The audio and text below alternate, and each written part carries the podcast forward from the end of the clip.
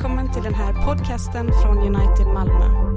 För mer information om oss besök www.unitedmalmo.nu och följ oss på Twitter. Predikan börjar med att allting är förgängligt. Och predikan slutar med just den meningen. Allt är förgängligt. Men det är inte där vi blir lämnade i dagens text.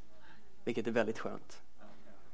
Därför att har vi blivit lämnade i att allting är meningslöst, det är inget hopp under solen.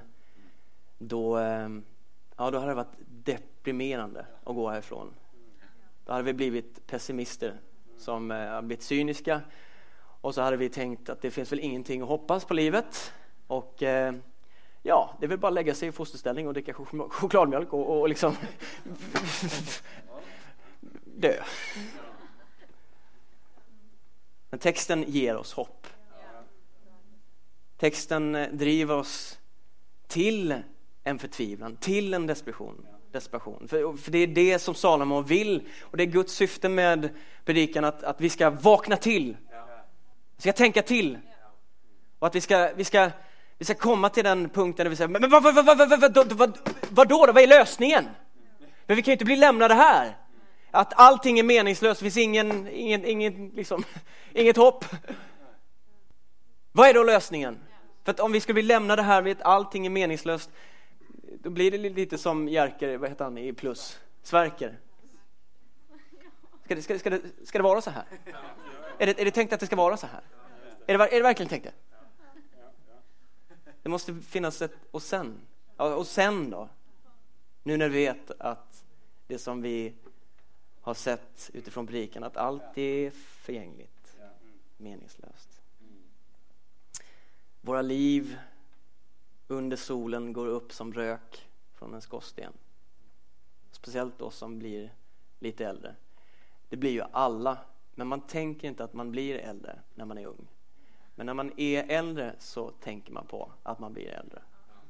Och speciellt oss som håller på att bli lite äldre.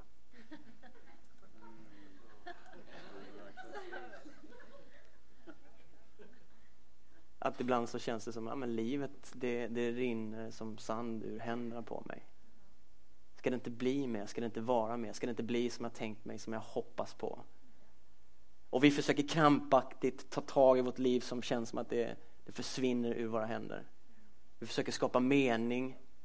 Vi jagar efter, få tag på visdom. Men när vi hittar visdom och får mer insikt så inser vi det blir allting mer bara komplicerat. Man inser ju det, och jag har insett det när jag läst ofantligt många kurser nu på universitet, filosofi, teologi. Det blir bara mer komplicerat där. Det finns så många perspektiv nu man måste liksom ta i åtanke. Det var så skönt att bara ha ett perspektiv.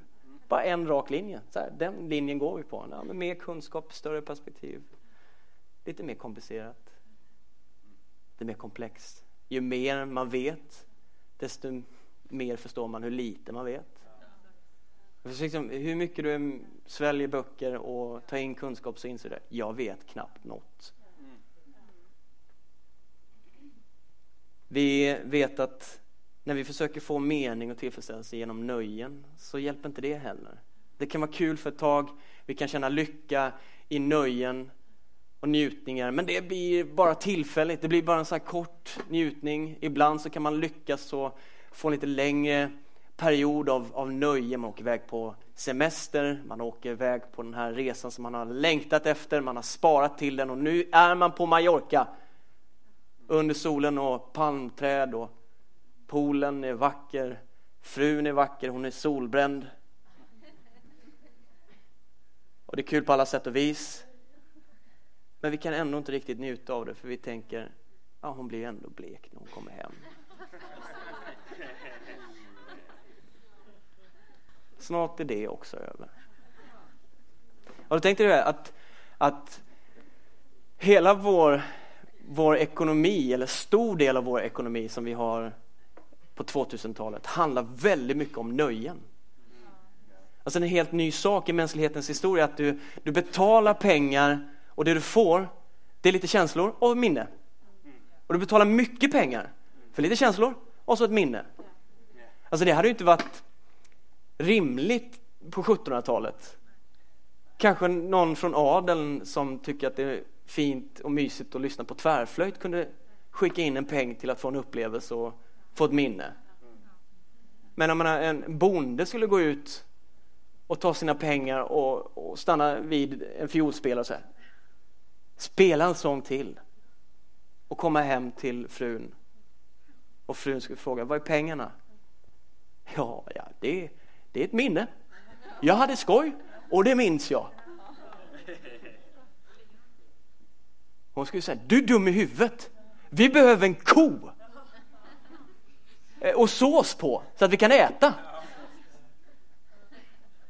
Liksom det, det är inte på tal om att man skulle lägga de pengarna på nöjen bakåt i tiden, men idag så lägger vi massa med pengar på nöjen, upplevelser, till konserter, till filmer, till matupplevelser, till nöjen, till semestrar.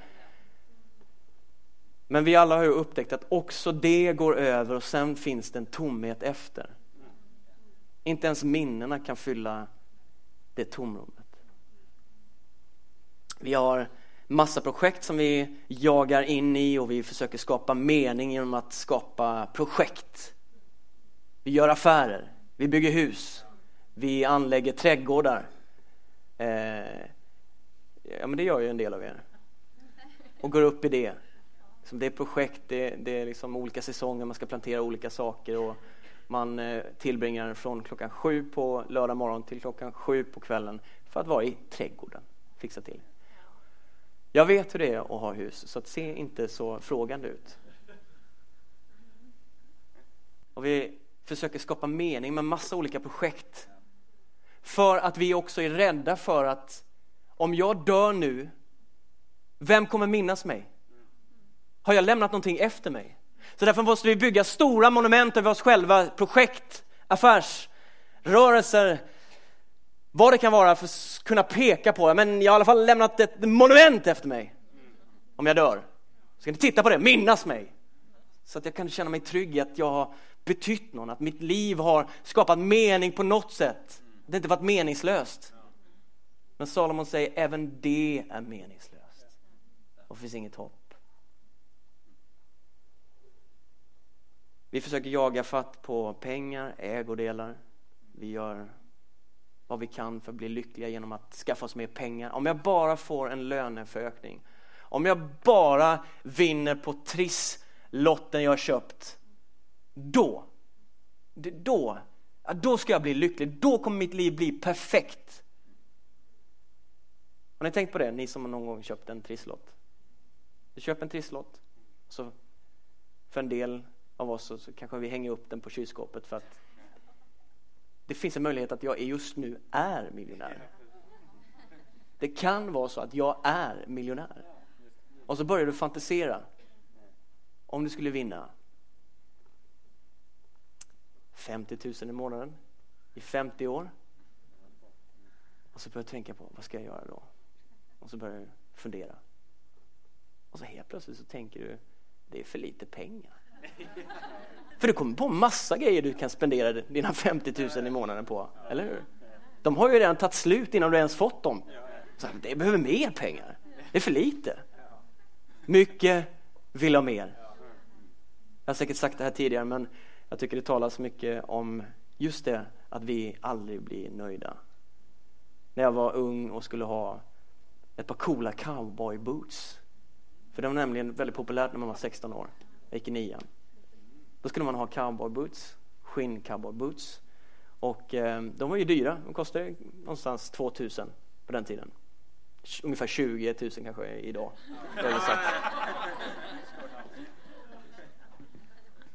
Och jag minns när jag gick till min far Lennart Lindstedt på OG Olsson där han satt på kontor. Tittade djupt i ögonen och sa Pappa, om jag får de här cowboybootsen kommer jag aldrig mer behöva någonting annat.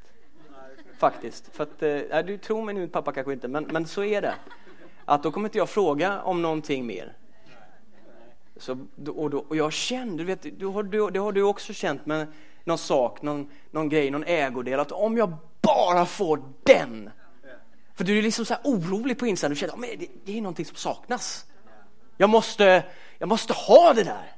Och sen blir det, sen blir det bra. Jag kommer ihåg när det var eh, ett skifte från dumburken till platt-tv. Och jag kom sent in i det gamet.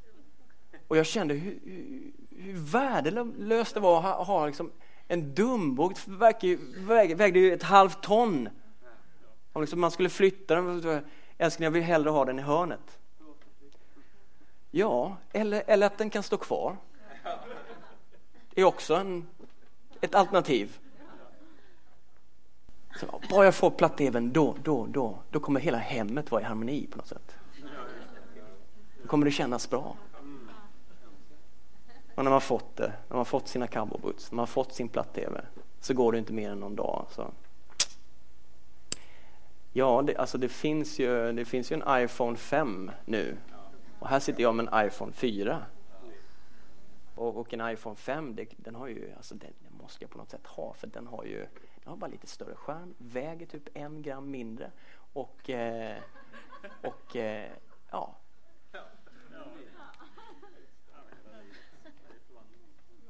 Vi blir aldrig mätta. Vi jagar efter trygghet. Vi jagar efter att få kontroll. För vi märker ju att vårt liv, det skakar ibland. Det finns mycket som vi inte har kontroll över. Olycka, sjukdom, din man. Så vi försöker desperat få kontroll. Och speciellt ni kvinnor. Ni kan ta ner händerna. Om jag inte får kontroll på allt annat, då ska jag i alla fall ha kontroll på, ja, mitt hem. Då, då, då ska allt vara perfekt. Jag, jag, ska ha, jag ska ha fullständig kontroll, precis, speciellt nu inför jul. Jag ska liksom, det, ska vara så, det ska vara så fint, det ska vara vackert och, och, och städat att, att Ernst kan komma in. Och, och, och, och säga wow. Den, den här mattan, nu, känner ni att den pratar med mig här den ligger? Den har liksom ett språk här till rummet. Och att han ska kunna ta sig barfota och sitta där tillsammans med du, Jag ska ha kontroll i alla fall på det. Om jag inte kan få kontroll på någonting annat, då ska jag ha kontroll på mitt hem, eller ska jag ha kontroll på min kalender, eller min vikt, vad jag äter. Men vi finner att det finns ingen mening i det. Vi jagar efter framgång, vi läser självhjälpsböcker, vi försöker utveckla oss, inveckla oss vi går på Bikram yoga och svettas men inte ens det hjälper. Vi söker efter mening kanske genom att jämföra oss med andra. Och så är det ju att det är skönt att jämföras med någon som är lite sämre. Mm. mm. Ja, men till exempel, man, man, liksom kan jämföra sig med, med, med Jakob. Och jag behöver, I say no more, så att säga. Och helt plötsligt så, så känns det för en stund bättre om man skulle göra en jämförelse. Tills man möter någon bättre. Och så är det alltid. Det finns ju alltid någon bättre, eller hur? Så även det är meningslöst. I slutet så kommer man fram till samma slutsats. Allt är förgängligt. Men jag tror att när vi läser det nu, hans början på kapitel 12, så, så känner vi en annan, en annan vakenhet. Och vi läser det på ett annat sätt. Inte med samma skepsis skeptiska ögon, utan vi, vi vet. Våra avgudar har blivit avslöjade. Vi har satt hopp till så mycket annat än att sätta vårt totala hopp i Gud. Predikan har, den har skakat om oss. Den har skakat om mig. Kanske speciellt under passagen när vi talar om död. Hur det skakade om mig på ett sätt där jag vaknade upp och såg, ja men vi är så bräckliga, vårt liv, det liv vi har här det är så litet, det är som en fis i rymden jämfört med den evighet som är att vänta. Och när som helst så kan död komma. Vi kan inte kontrollera det. Det har skakat om oss. Vi läser det på ett annat sätt, vi läser det här jagandet efter vind på ett annat sätt och vi ser ett allvar i det. Nothing in our search has led us home. Nothing that we offered, are offered under the sun is ours to keep. Vanity of vanity. It's all vanity. Dagens text. Predikan 12, 8, 14. Förgänglighet och åter förgänglighet, säger predikan. Allt är förgängligt.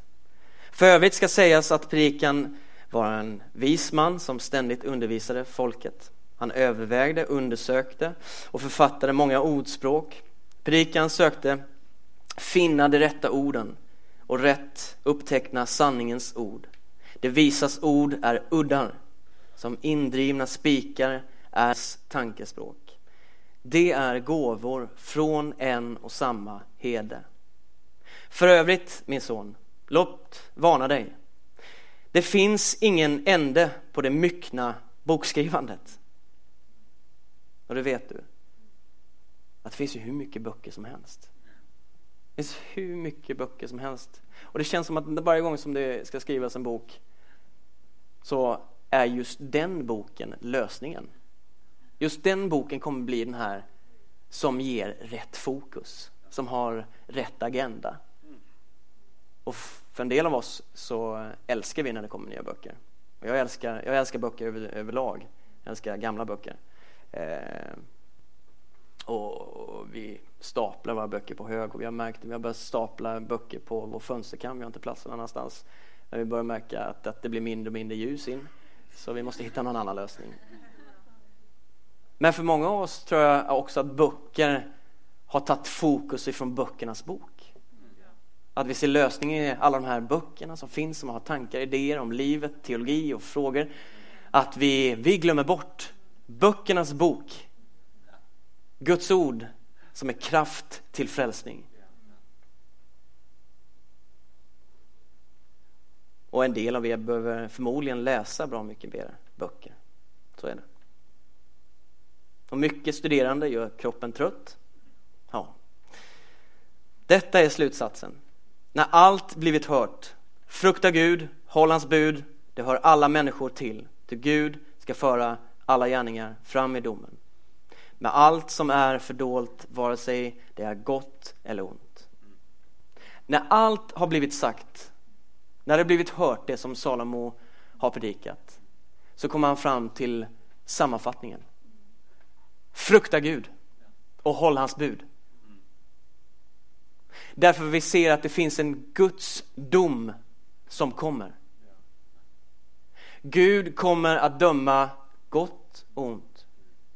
Och därför, därför är vårt liv här och nu inte meningslöst. Därför det du gör, det räknas. Gott eller ont. Och då räknas det vi gör. Då har det betydelse. Då kan vi inte bara göra precis som vi vill. Men om vi inte har en Gud som vi står under. Om vi bara lever ett liv under solen, inte sonen. Ja, då varför bry sig? Då kan vi väl köra på rakt in i kaklet med precis allt vad vi känner för. Eller hur? Följa våra lustar fullt ut. Allt vad våra ögon ser, är bara ge dem det på en gång. Låt inte, hast, låt inte vänta. Hasta på. Ta det. Njut. Enjoy life. Det finns en sång som eh, går så här. Let your body decide where you want to go. High or low. Fast or slow. Ja, men det, det borde vi göra då. Det är bara kör på. Ät hur mycket du vill. Frossa. Låt frosseriet vara ditt mellannamn. Vakna med en gräddbakelse och sluta med en semla och däremellan, ät så mycket du kan. Doppa pizzan i choklad. Enjoy life. Frossa på, låt, låt alla lustar få, få, få bli besvarade. alla sexuella lustar. Kör på, njut, bygg ditt eget rike. Låt hedonismen ta över. Låt dekadensen alltså vara bara liksom förnamnet till det liv. För menar, om inte det finns en Gud som dömer oss, varför då bry sig? Men det vet vi att inte heller ett sånt liv funkar under solen. Därför Salomo, han har testat det. Så att han har kört den här resan. Han har testat, han har kört precis allt rakt in i kaklet. Det är från hans erfarenhet vi hör. Vi läser och ser att han har testat allt. Är det någon kille som har testat allt så är det Salomo, kung Salomo. Kvinnor. Ja, kvinnor. Eh, alltså, han har tusen kvinnor. Där var det nog high och low, fast och slow. Det var grejer det. Med tusen kvinnor. Alltså jag kan ju knappt i min fantasi få till, jag tänka på tre kvinnor. Alltså, tusen kvinnor! Han har testat allt. Meningslöst. Tomt.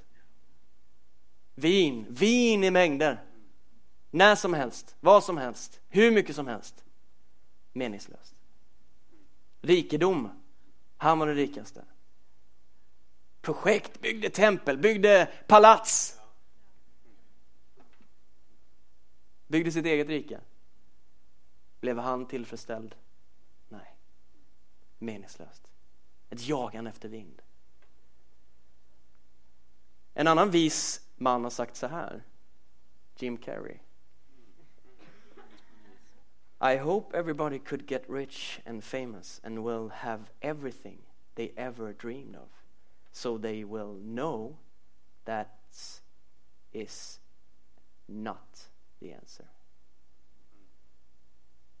Det är inte svaret, det är inte lösningen.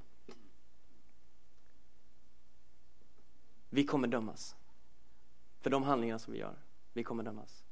Och för den som inte har sonen Jesus Kristus, den kommer dömas. Och den domen, den är fruktansvärd. Den som inte har sonen vid slutet av sitt liv och står inför den levande guden. Den domen är fruktansvärd. Att inte få delta av det eviga hoppet. Att vara tillsammans med Jesus Kristus i evighet.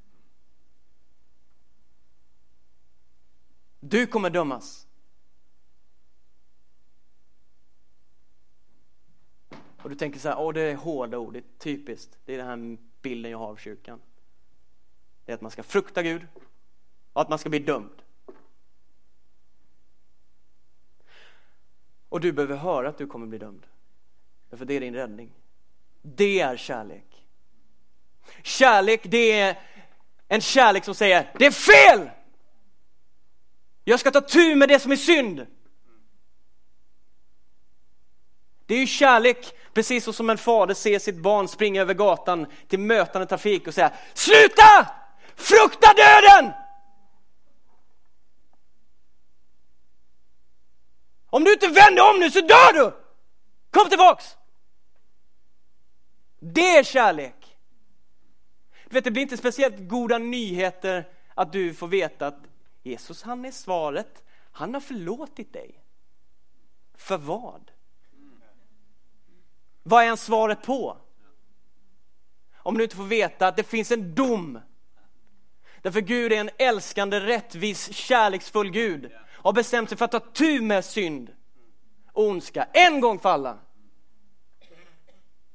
Och de goda nyheterna, det är att han gjorde det på korset. Den dom som du och jag förtjänar. Döden som straff. Den ilska som Gud kände över synd. Allt det vrede som Gud hade över synd föll på Jesus Kristus på korset. Så att vi skulle kunna gå fria. Då blir det goda nyheter. Att Jesus har tagit priset. Han har betalt skulden. Han är dömd i mitt ställe. Och därför kan jag frimodigt komma inför Fadern i slutet av mitt liv och säga, nu sticker jag in därför jag har sonen med mig. Och det är genom hans rättfärdighet som jag kliver fram nu frimodigt inför nådens tron. Inte på grund av vad jag har gjort. Jag träffade en muslim på vägen hit. Beställde taxi för att det var så mycket snö. Annars hade jag naturligtvis gått hit. Powerwalk-tempo. Och i bilen så säger jag adressen snabbt. Jag hinner inte säga hej. Jag säger Vattenverksvägen 44. Och han vänder sig om och säger Du får börja med att säga hej. Ja, hej på dig, sa han.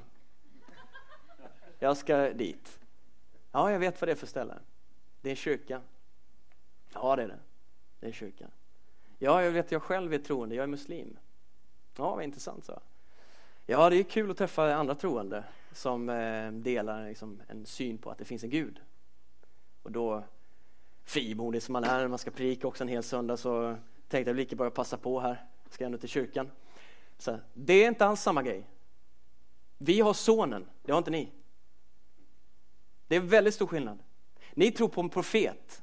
Ni tror på att om man håller buden, om man håller de tillrättavisningar som profeten säger, då kan man komma inför himlen och säga alla, Fader, Gud, du kan släppa in mig. För jag har inte mördat, jag har inte stulit, jag har inte begått äktenskapsbrott och många andra saker av de stora synderna. Så jag kan komma in. Då sa jag, du kan inte komma in utan sonen. Jesus Kristus är det enda sättet att komma till Fadern. Genom hans rättfärdighet. Inte genom egen rättfärdighet. Därför då blir det precis som Paulus säger i Filipperbrevet, när Paulus talar om sin egen rättfärdighet som han spyr på, som han kallar crap, skit, jord, skiten som du skrapar av sandalen innan du går in till huset. Det är vad vi skulle visa upp inför Gud om vi skulle säga, här har du. Jag gick till kyrkan, jag bad. Jag gav till kollekten och så har jag uppfostrat mina ungar på ett mycket ordentligt sätt. De båda är doktorer och bor i radhus i Bara. Kan jag komma in? Det är inte på grund av det som du kommer in. Du kommer in på grund av sonen. Och domen har fallit på sonen och det är de goda nyheterna. Därför vi vet, Hebreerbrevet säger vi kommer bli dömda. Och liksom det är bestämt om människan att hon en gång skall dö och sedan dömas. Guds dom som har fallit på Jesus Kristus. Och Gud i sin barmhärtighet väntar med att döma oss. Så att vi kan omvända oss. Så att det finns tid nog för oss att vända om. Att han i sin barmhärtighet inte bara slår ut och gör så att en människa som behandlar andra människor illa, som plågar andra människor, bara försvinner. Vilket skulle vara rätt och riktigt av Gud. Att han väntar i sin tålmodighet. Att han väntar på dig och mig att vi ska omvända oss. Andra Petrus brev 3.9. Herren dröjer inte med att uppfylla sitt löfte så som en del menar. Nej, han har tålamod med er eftersom han inte vill att någon ska gå förlorad utan att alla ska få tid att omvända sig. Och det får oss att frukta Gud. Och det är sammanfattningen för Salomo. Han säger frukta Gud och håll hans bud. Och vad jag skulle vilja säga till dig idag, det är frukta Gud. Och jag skulle vilja säga det med ännu tydligare? Tydligare stämma, tydligare sätt. Jag skulle vilja ropa det ut, jag skulle vilja... Men så vet jag, gör jag det fullt ut så är det alldeles för många av er som har en fel fruktan för Gud som skulle ta åt sig. Du skulle säga, ja, det, jag vet. Han är arg. Han är ute efter mig. Han är arg, dömande Gud. Och du är rädd för den levande guden, vilket inte är att frukta Gud. Men jag skulle vilja säga, frukta Gud till er som, som behandlar Gud som en liten teddybjörn som man kan gosa med och få lite tröst när man kommer hem. Och kalla på sig, ska klia mig på ryggen lite Gud. Kan du Gud är din liksom homeboy. Och du behandlar Gud som att han inte är den heliga guden. Utan det är bara en sån här lite personlig, lite fin tomtenisse som du kommer till. Och han ska jämt och ständigt hjälpa till. Som en butler. Fixa det, ordna det, gör det. Ta hand om det. Han är inte din butler. Han är Elohim. Gud som skapar himmel och jord. Allsmäktig. Från han kom hela universum. Och du behandlar honom som en, som en tomte. Frukta Gud. Att jag har hört sådana bilder och ni har hört den innan. Jesus kan, kan kliva in och, och, och, och, och jag, är med. jag är så stor så att jag låter han köra min bil. Så att Jesus, varför låter Varsågod, du kan, få, du kan få köra min bil. Du kan sitta i förarsätet och köra. Han får inte plats i din bil. Alltså sån här fånig countrysång. Jesus want you drive the car. Han får inte plats i din bil. Han får inte plats i ditt liv. Men du får plats i hans liv. Och där finns det mycket plats.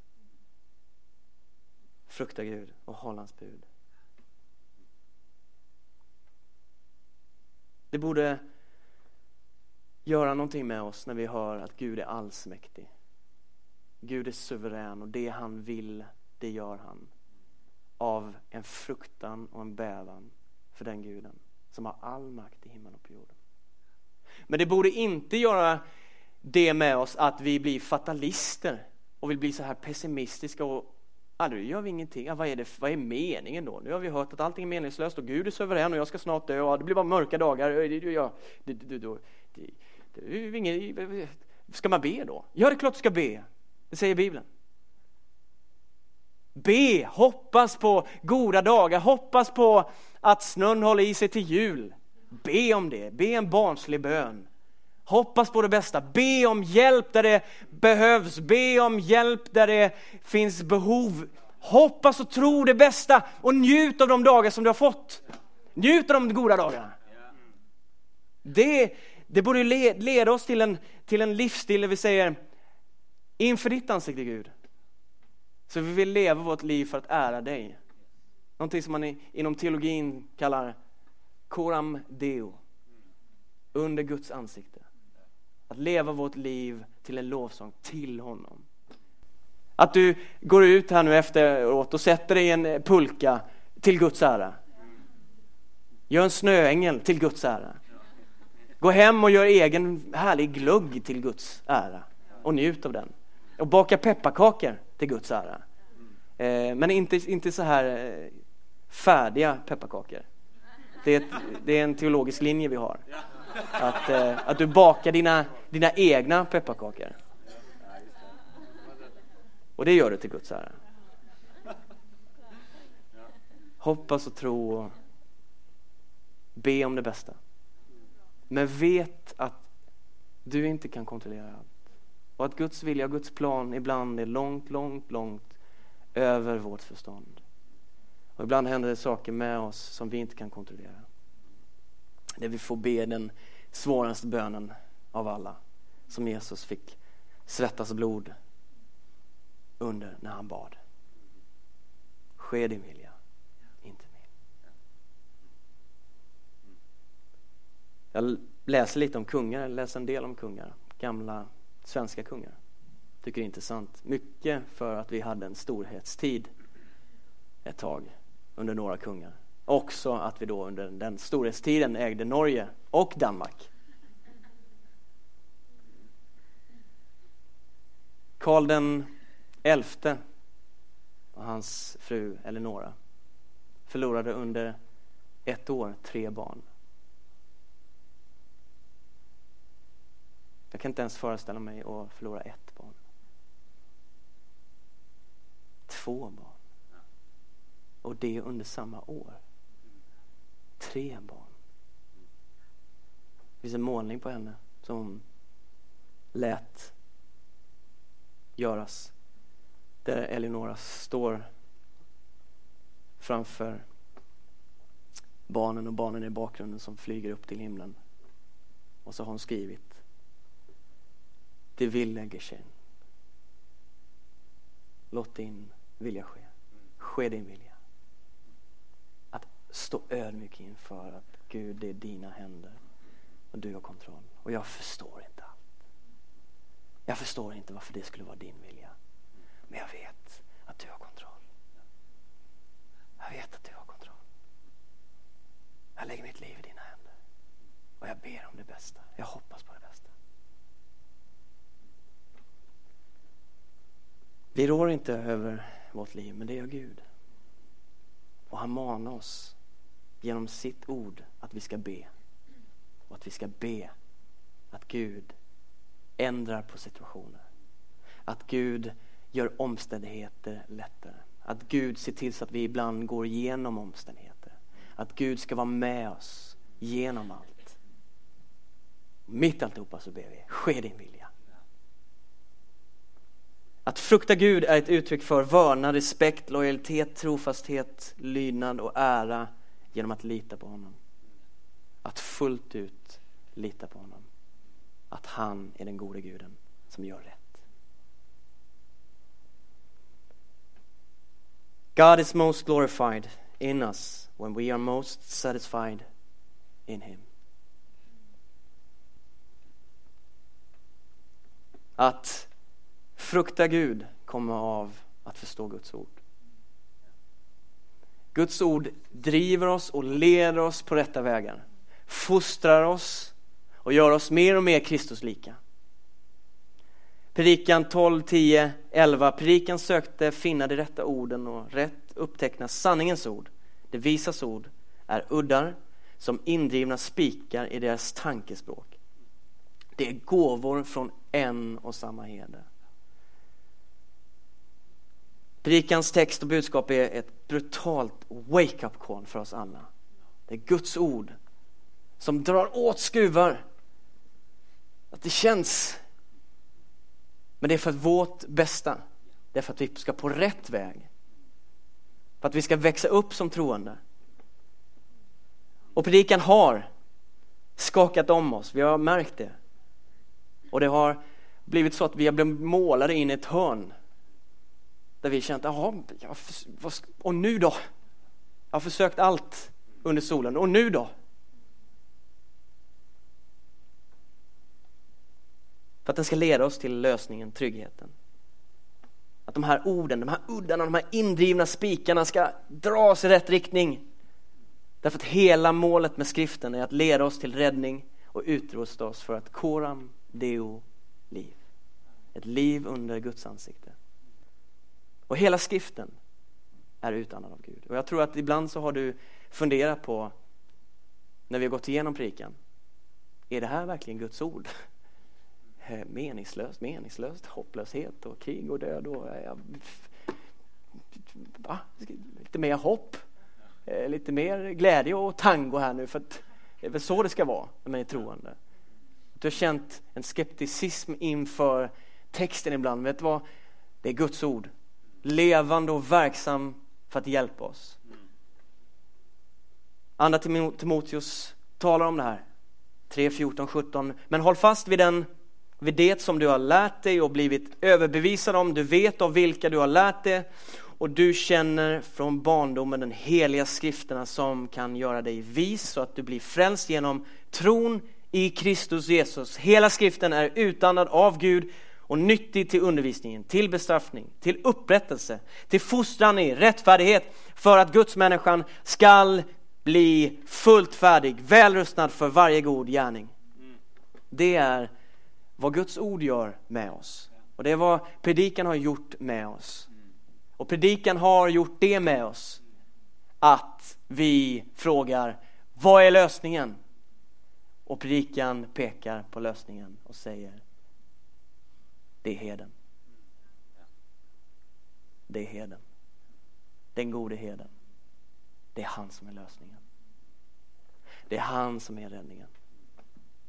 Det är gåvor från en och samma herde. Guds ord som pekar på heden, den goda heden. Och hederskap nämns i Bibeln många, många gånger. Över 200 gånger så nämns begreppet herde. Inte bara som en benämning på just exakt vad en herde gör, att leda får, utan som benämning på Gud, som den gode herden. Som en titel på pastorer som är herdar, som är goda herdar. Många gånger så står man inför kyrkan som pastor och som herde och man blir förtvivlad ibland och ser hur människor styr sina liv. Hur man ser hur deras val skapar så dåliga konsekvenser för dem och man vill. Man vill som en god herde säga sluta, gå hem, stanna kvar, gå inte dit. Och i ett studie av får, och det kan vara själavårdande för en pastor, så är det faktiskt så att får är dumma.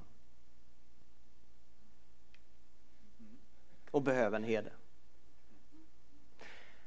Ett får kan inte själva, nu säger jag inte, jag talar inte om dig nu exakt. Du kan slappna av. Jag talar om någon annan, jag talar om United Möllan.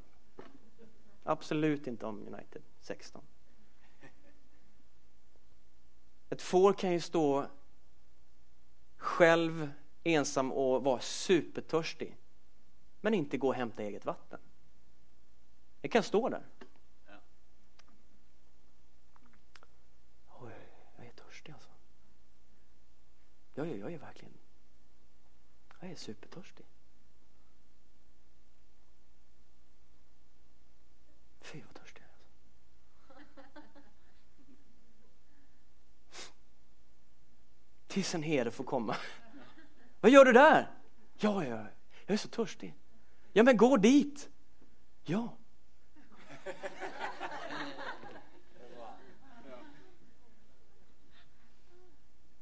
Ett får behöver beskydd. Man kan finna får hitta en härlig liten plätt tulpaner och slafsa på. Tycker det är hur underbart som helst. Och så säger man till fåret, gå därifrån! Varför det? Det är jättegott. Ja. Men det du inte ser det är att på andra sidan kullen så finns det en hel vargflock som är ute efter dig. Spring!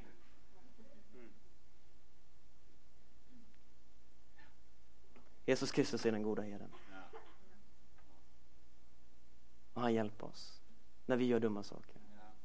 Han hjälper oss och beskyddar oss. Kung David som eh, var herde och skrev psalm 23. Han visste mycket väl hur det var att vara herde. Han visste mycket väl hur det var, inte fullt ut att vara får, men han hade kunnat se hur får reagerar och agerar. Där han skriver, du smörjer mitt huvud med olja. Och det var det man gjorde med får. Man smorde dem med olja så att de skulle vara skyddade för det de gjorde och det vi gör. Det är att när vi ser liksom ett litet hål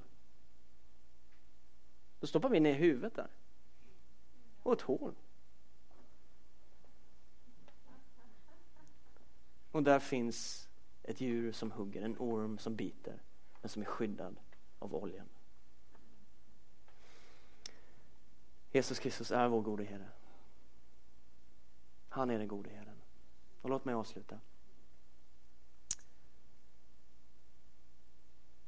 Vem är det som spelar?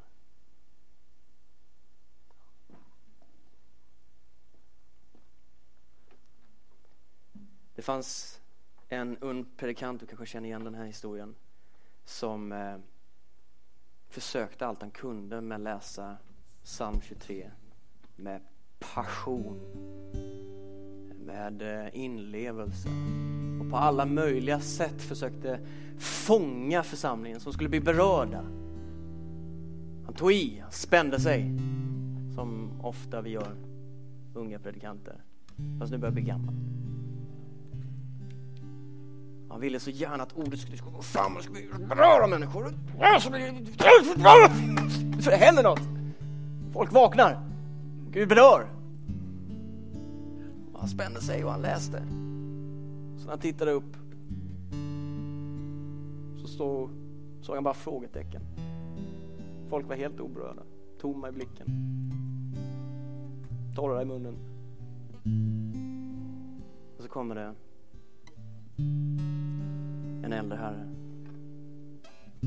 fram upp till podiet, skakar i kroppen. Han darrar. Och så tar han tag i podiet och så läser han psalm 23. Herren är min herde. Mig ska inget fattas. Han låter mig vila på gröna ängar.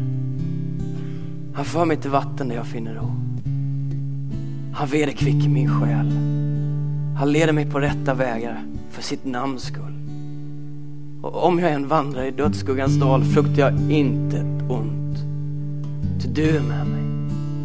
Din käpp och stav tröstar mig. Du dukar för mig ett bord inför mina ovänners åsyn. Du smörjer mitt huvud med olja och låter min bägare flöda över. Idel godhet och nåd ska följa mig i alla mina livsdagar och jag ska bo i Herrens hus evinnerligen.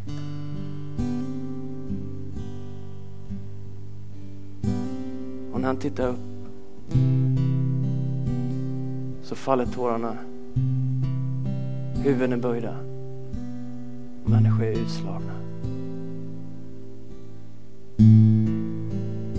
Och den unge predikanten han vänder sig till den äldre och frågar Vad, vad gjorde du? Vad är tricket? Hur ska jag göra?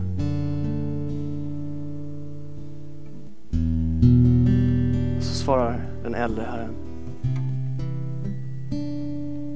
Du känner till salmen. Men jag känner heden.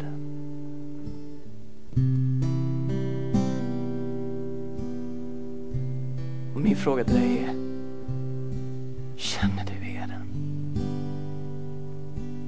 Du kanske känner till kyrkan som ett koncept. United som ett koncept. Kanske du varit i kyrkan under lång tid. Men vi frågade dig, känner du eden?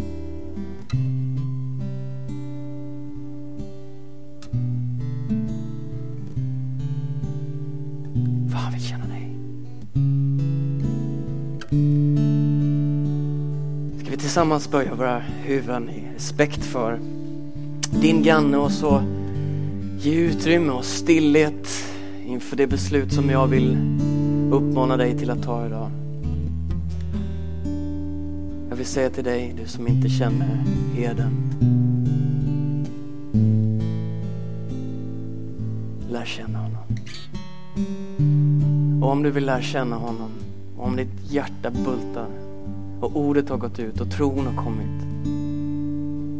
Och det är du idag som ska räcka upp din hand och säga jag vill lära känna heden. Be för mig. Om det är du, så räck upp din hand. Och ska jag be för dig. Om du säger jag vill känna heden.